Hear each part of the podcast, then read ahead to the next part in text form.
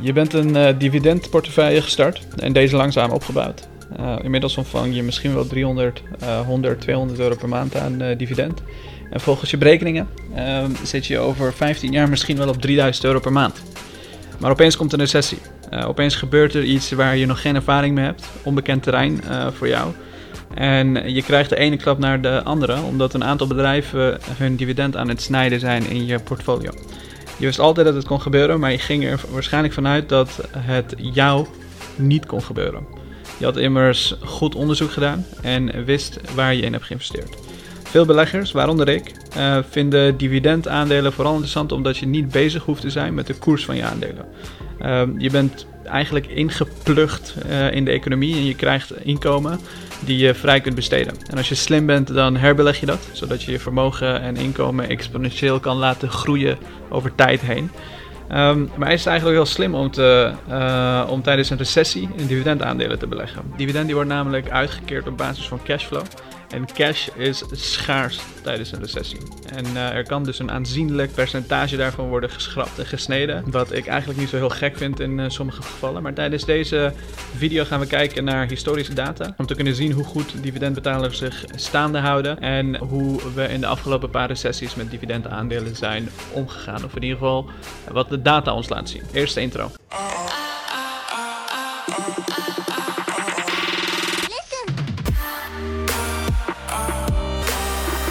Alle banken in Europa uh, zijn door de ECB gevraagd om geen dividend meer uit te, uh, uit te geven.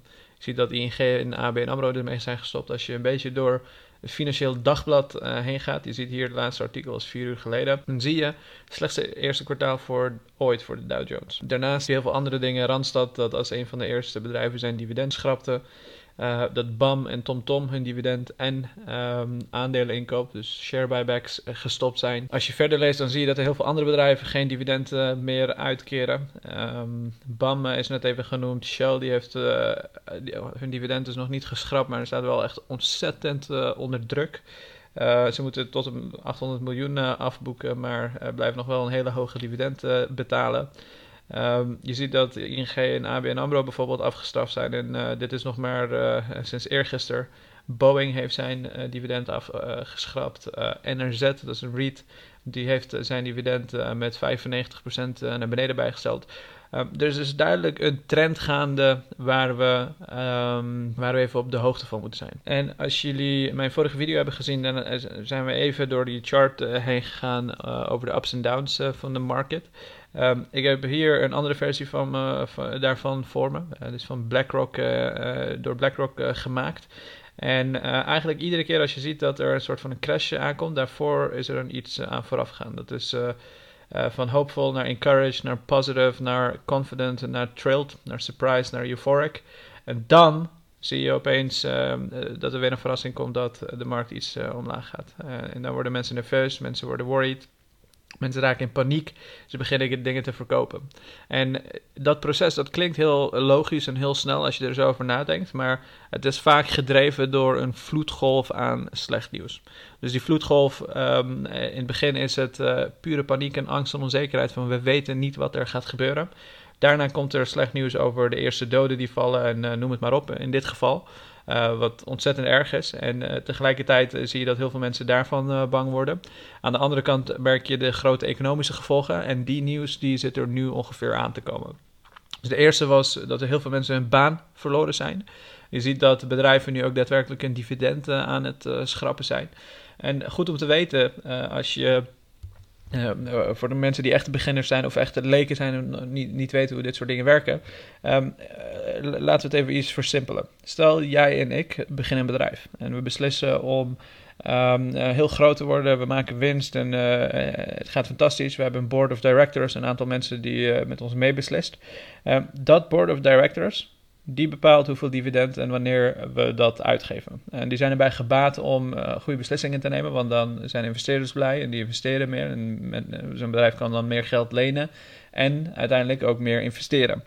Um, dus die board of directors, stel jij en ik zijn eigenaar, wij zitten ook in die board of directors, we maken beslissingen en we beslissen met z'n allen om uh, x bedrag aan aandeelhouders houders, uit te keren, omdat we niets met het geld kunnen doen of ja, noem het maar op. Um, Dat is een gedeelte van onze winst. Uh, vandaar ook dat als je een bedrijf kiest, uh, dan zou ik altijd ten eerste uitzoeken hoeveel insiders, dus mensen die er ook daadwerkelijk werken of in de board of directors zitten, hun aandelen bezitten. Maar ten tweede, uh, payout ratios. Dus hoeveel percentage van hun winst blijven ze betalen.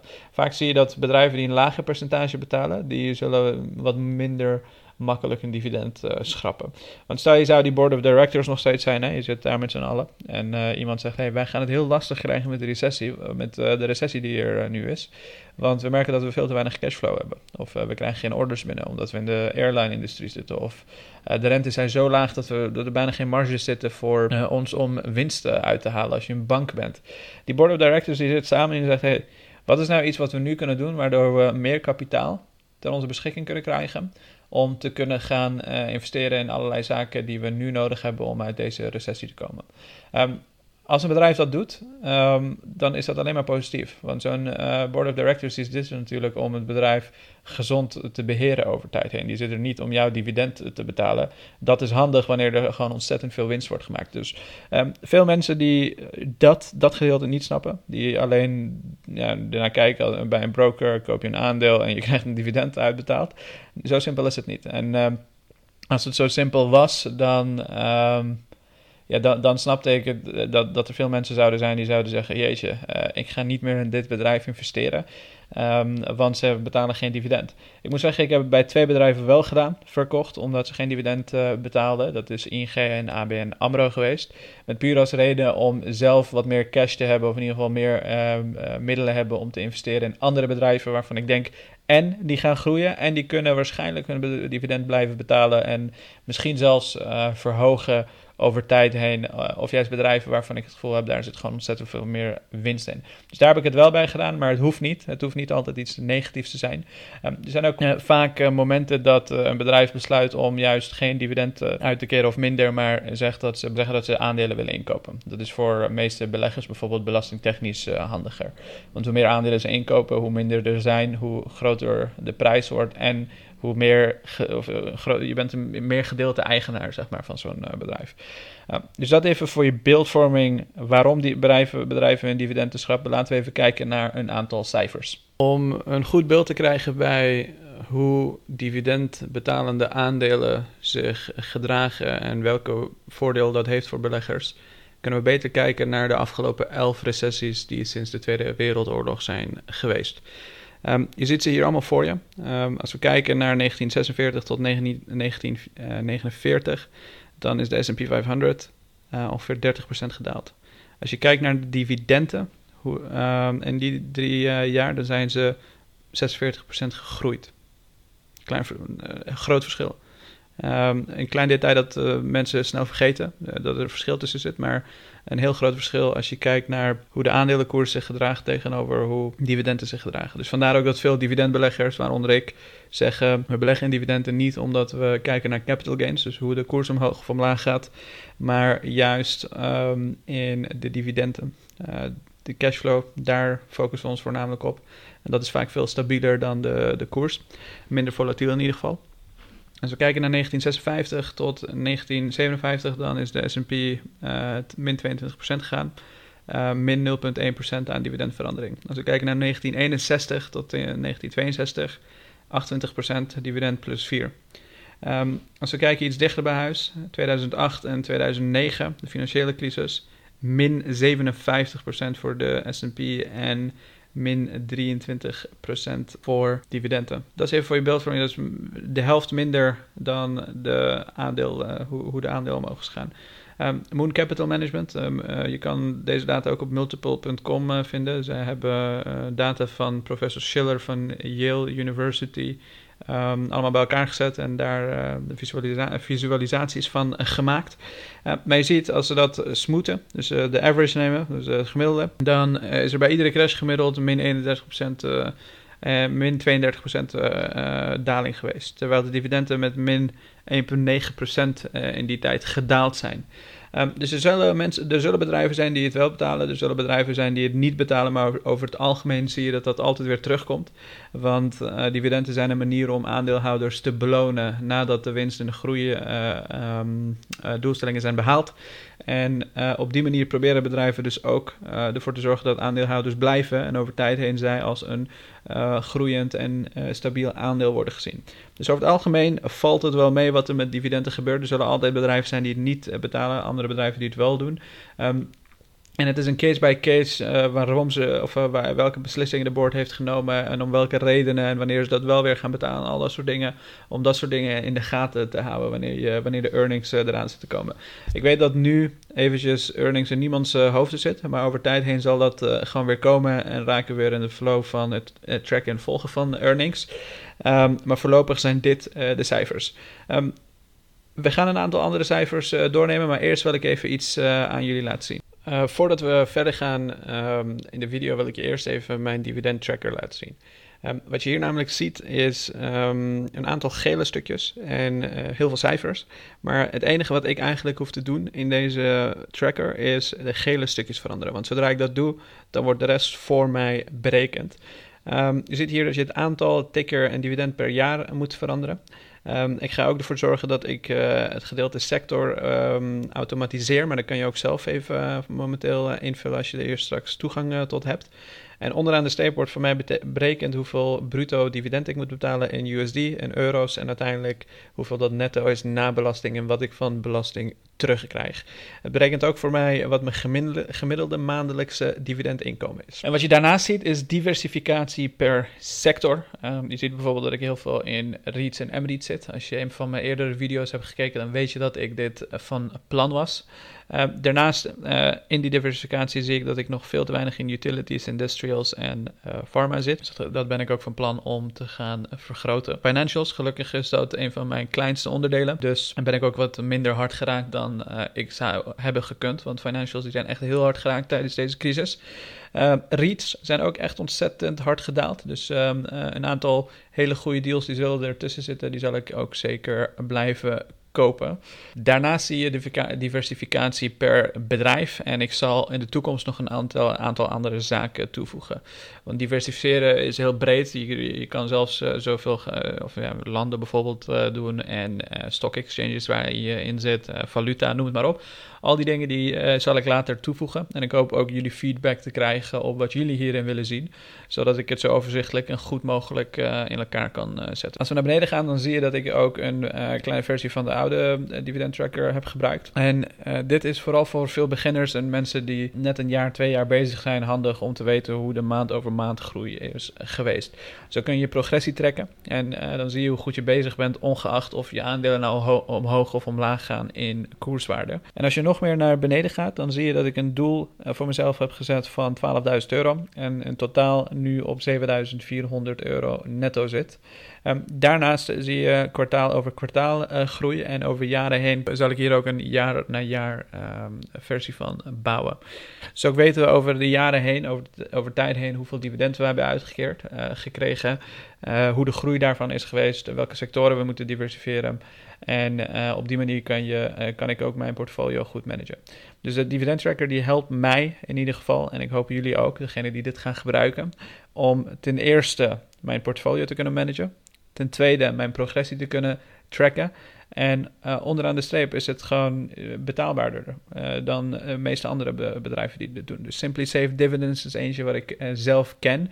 Helaas betaal je daar um, iets van 800 euro per jaar voor. Eigenlijk iedere vergelijkbare product. Wat ik ook wil doen is voor degenen die beslissen om lid te worden. Uh, ga even naar mijn website, debelegger.nl.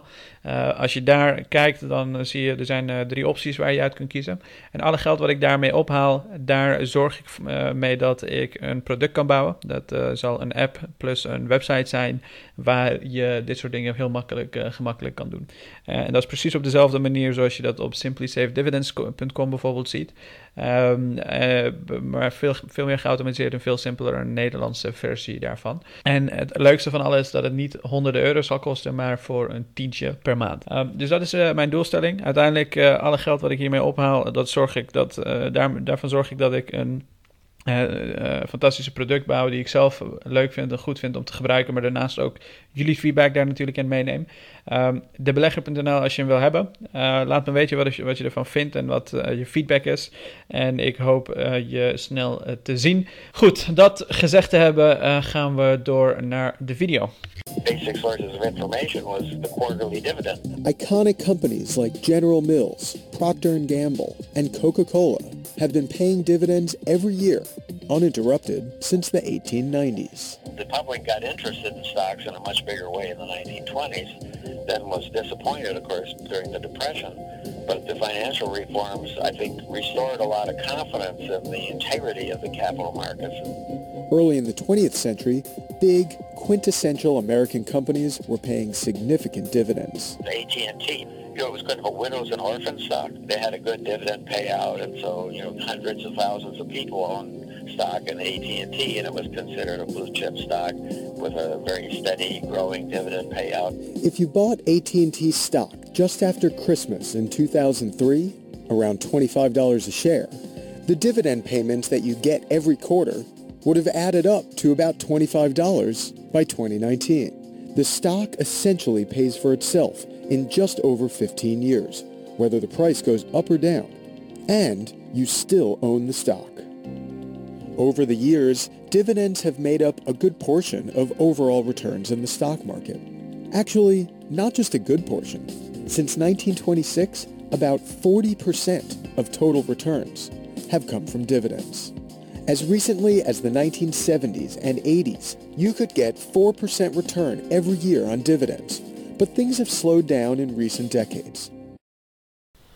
Ja, dus wat je ziet is um, dat zo'n bedrijf als AT&T bijvoorbeeld, wat nog steeds bestaat en best wel een hoge yield heeft, ik geloof meer dan 5% uh, eh, zelfs, um, dat dit bedrijven zijn die over tijd heen jou betalen in principe om te wachten totdat er betere tijden komen bijvoorbeeld. En ondertussen krijg je en betaald en aan de andere kant uh, zorg je ervoor dat je uh, wacht totdat tot de markt weer optrekt en dat het weer topbedrijven worden en um, ook het aandeel, de koers daarvan omhoog gaat.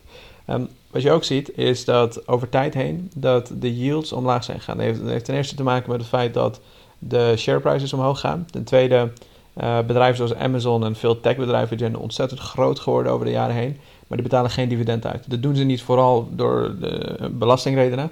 Um, maar ook omdat ze bijvoorbeeld uh, denken nog veel meer groei te halen dan wat ze nu hebben. Um, maar luister even verder. Why is that?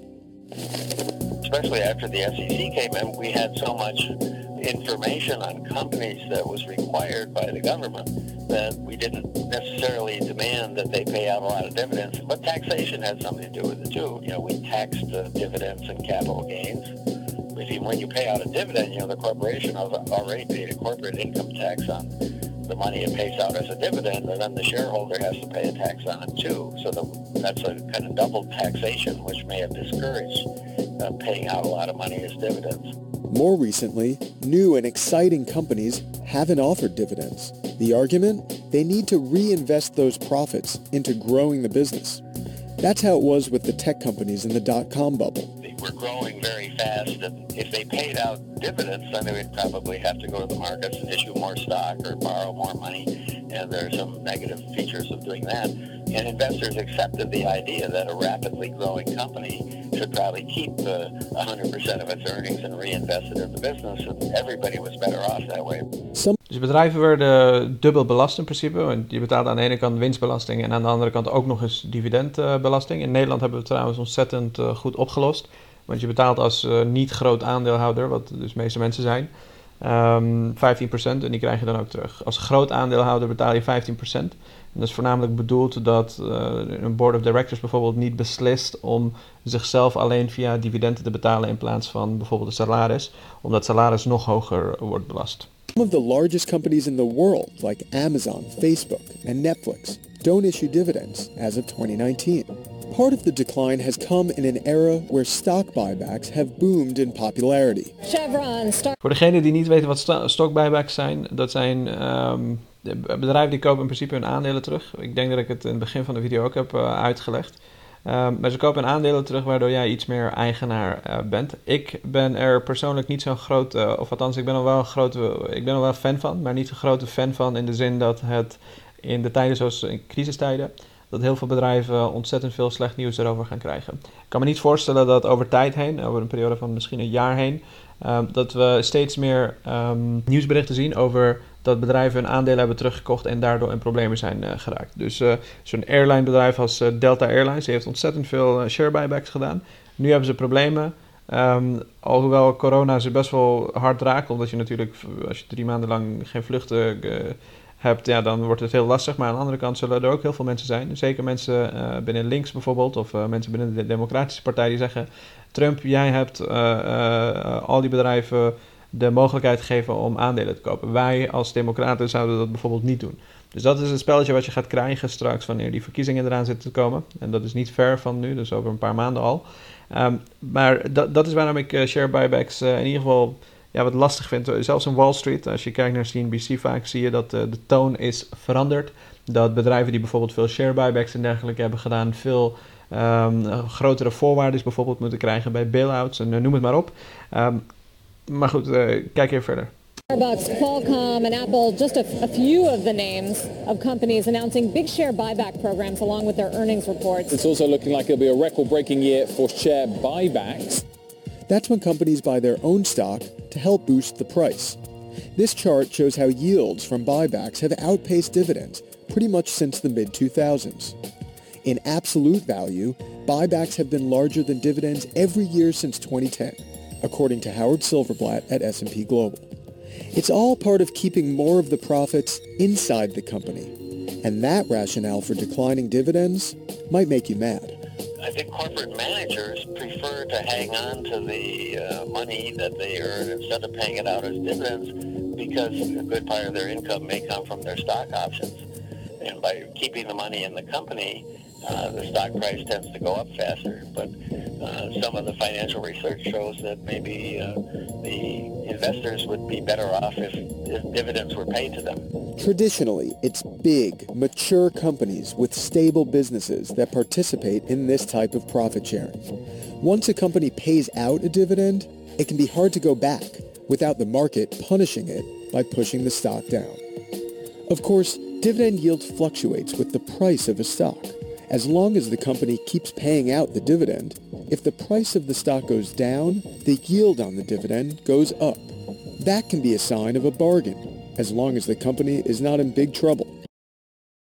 Dat is een belangrijk om te weten. Dat als een aandeelkoers omlaag gaat, het percentage aan, van dividend die gaat omhoog, de yield. En de reden daarvoor is dat een bedrijf die betaalt niet een percentage van, uh, die betaalt niet een percentage, maar ze betalen een bepaald bedrag. Dus stel een aandeelkoers is een euro en ze betalen 10 cent, dan is dat uh, eh, 10%. Maar als de aandelenkoers omlaag gaat naar 5%, dan is het opeens uh, dubbele daarvan. Want de koers is omlaag gegaan, maar ze betalen nog steeds hetzelfde bedrag. Dus vandaar dat dat uh, op die manier um, fluctueert. En goed om daarin te onthouden, is dat juist als je tijdens dit soort recessies aandelen koopt die hun dividend niet per se schrappen, maar over tijd heen blijven groeien, dus gezonde aandelen zijn. Um, dat zijn aandelen die nu echt bargains en goedkoop zijn. En de yields die je daarmee pakt over tijd heen kunnen echt enorm zijn. En um, er is eigenlijk geen beter moment geweest om um, goede bedrijven die blue chip zijn en uh, goede balance sheets en dergelijke hebben te kopen dan nu. Want de koers is dusdanig laag dat die dividenden ook uh, hoog zullen zijn. En als je ook nog eens parels kan vinden die hun dividend niet uh, hoeven te schrappen, omdat ze relatief goed qua cash zitten en dergelijke. Ik bedoel, Apple en Microsoft zijn een schoolvoorbeeld daarvan. Die hebben 100 miljard uh, plus aan cash op de bank liggen. Um, maar dat zijn bijvoorbeeld, dat is wat je nu tijdens een recessie in je voordeel zou kunnen gebruiken. Maar laten we even verder kijken. But sometimes a dividend yield that's too high is a red flag. As of the beginning of 2019, some of the major companies with the best yielding dividends included CenturyLink, Ford, L Brands, and yes, AT&T. Still, after all of these years. So will we see a resurgence of dividends in upcoming years? It's unclear. 2018 saw the ninth straight year of more dollars being paid out as dividends, according to S&P Global's Silverblatt but yields are still historically low.